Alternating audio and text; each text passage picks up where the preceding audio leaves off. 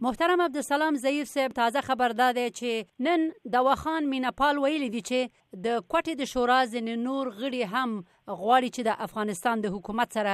د سولې خبرې وکړي ستاسو په نظر دا به کم کم کسان وي او د دې څومره امکانات ویني او دوا خان مینه پال وایي چې د حکمتیار د حزب اسلامي سره د سولې موافقه د دې باعث شوې ده چې دا نور طالبان هم وهڅول شي او پام دې لړ کې نن د کوټې د شورا ځینو غړو دا خبره کړې ده. اصلا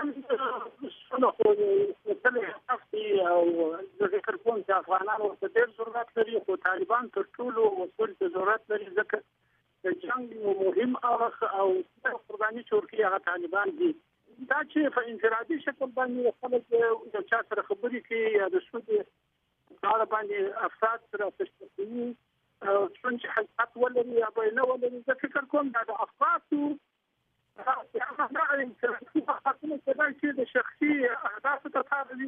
که دا شخصي یا انفرادي کوششونه ستاسو په نظر ګټور نه دي یا نتیجه به ورنکي یا شک لري پکې نو دغه نورې خبرې څنګه دي چې یو ځل داسې خبرونه راغلل چې د ملا عمر ورور ملا عبدالمنان په قطر کې د افغانستان د حکومت د استادو سره کتلې دي روسته بیا ذبی الله مجاهد دغه خبرونه رد کړل چې دغه کتنې هرگز نه دي شوي د دې نه مخکې ګارډین ورسپانې لیکلي و چې دوه ځلې دغه ملاقاتونه شوي دي په قطر کې نو دا خو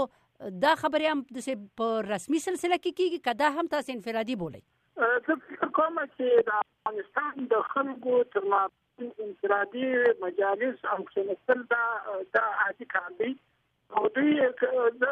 د مخکوم د ناست شوی دی د دینو حوایج په خاطر باندې د شخصي کارونو په خاطر یا د قرابت او دوستي او قومیت په خاطر باندې خلک کېږي او مهم اهداف اساسي اهداف دي هغه د افرادو په لاس کې نه وي، هغه د ټولنیز اهداف دي. زه فکر کوم چې دا ځینې خبرې چې راځي تر ډېره پورې کېدای شي افواه هم وي، حقیقت هم ونه لري. دغه څو کاله کېږي چې دا تقریبا دوولس کاله کېږي چې زه ګوانتانامو ته راغلی یم، همدا خبرې اورم، پلانکي خبرې وکړې، پلانکي خبرې وکړې، پلانکي سره پلانکي ځای کې خبرې وشوې، پټې خبرې وشوې، لوڅې خبرې وشوې، خو تر اوسه موږ د نتیجې شاهدان نه یو. د قطر دفتر خو رسمي دفتر دی، نو کله چې داسې خبر راځي چې د ملا عمر صاحب ورور په قطر کې د افغانستان د استازو سره وکتل دې خبر باندې هم تاسو باور نه لري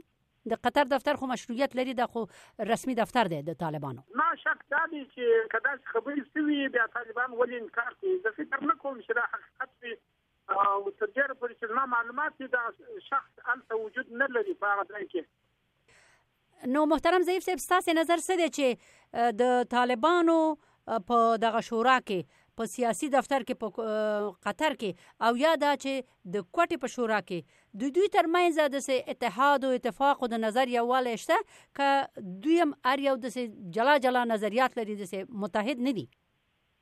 اختلاف نظر خو د هر چا سره وی خو طالبان کې هم دا دغه چې دی د دوی د پروګرام د پاره یا د دوی د کارو د پاره هغه د اطاعت مسله ده زه فکر کوم چې د دوی په مابین کې به دومره مشکل نه وي دلته اوس یو بل خبره ده دغه اوس چې په افغانستان کې په څو ولایتونو کې جنگ روان دی دغه قومندانان چې په جبهه کې دي دوی فکر کوي چې د کوټې د شورا یا مثلا د قطر کې چې دا څوک ناس دي دا اته کسه یا وکسه بني دوی که کومه فیصله کوي هغوی ته دوی صحیح غوږ ږدي، اوري. طالبانو کې د امارت مسئله دا ډېره مهمه ده چې کله امیر یو تصمیم ونیسي په یو شرعي چوکاټ کې امر وکړي نو هغه افراد یې که قومندانان وي که مسؤلین وي ټوله امر ته احترام کوي او د هغه د وجوب هغه چې کوم درجه د هغه په ځای کې کوم که مشرتابه د دې لپاره تصمیم ونیسي نو بیا د قطر دفتر چې دی هغه هم کار کولای شي او قومندانان چې دی هغه هم اطاعت کوي په هغه صورت کې چې دوی هغه تصمیم د اهداف سره برابر زه فکر نه کوم چې د تابع دې داسې یو تصمیم ونیسي چې هغه د قومندانان د افکار یا د اهداف سره ټکر وي او کدا چې یو څوک پیدا کیږي خدای نه خواسته په هر ځای کې چې وی چې هغه د خپل اتباع او د د اهداف په نظر کې ونیول شي بیا خو سوله نه راځي ثبات نه راځي او خبرې ګټه نه ګټه نه کوي نو دا شان په ټوله دې په نظر کې نیسي هغه د اهدافو په تناسب باندې یا د اهداف په لاس راوړنه باندې یا حد اقل چې هغه د څه د پاره چې دوی مبارزه کوي هغه باید په نظر کې نیول شي دا یو وخت تصمیم ونیسي او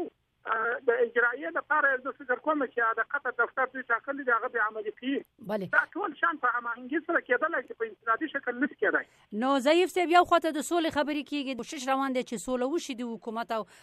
مخالفینو ترمنځ د حکومت او طالبانو ترمنځ څه فکر کوي طالبان څومره حاضر دي سولې ته چې ټول پوهېږم د افغانستان په حالاتو باندې جنګ یو تحمیلي یو خطرناک کار دی چې څوک ورته اقدام کوي زه فکر کوم که د دې بدلې لارې وي نو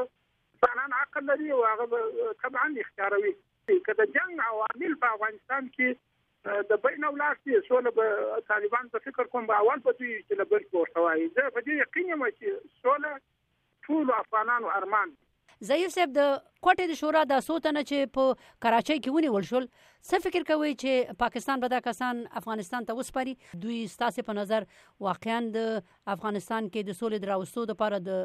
کوششونه او هڅې کولې که څنګه زه فکر کوم چې پاکستان تر ډېره فشار لاندې او تر ډېره پورې د افغانستان سیاست هم داسې و چې دوی کوشش کاوه چې طالبان د د پاکستان په چوکاټ کې راسي او د هغه طرف په تحمیلي شکل باندې مذاکرات مې سره راسي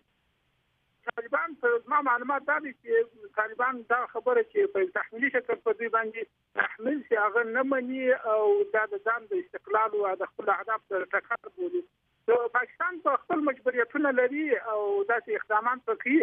او دا د طالبانو دا کسان چې دا کېدای شي مهم وي خو د دې معلومات نه لرم په داسې فشارونو باندې په داسې نیونو یا په وژلو باندې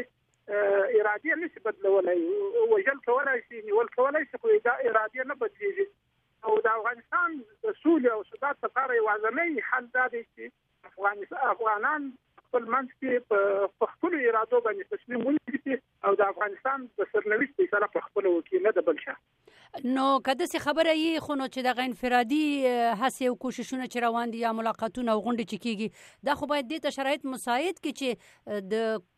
کوټه شورا یا مثلا قطر کې چې د طالبانو سیاسي دفتر دی چې د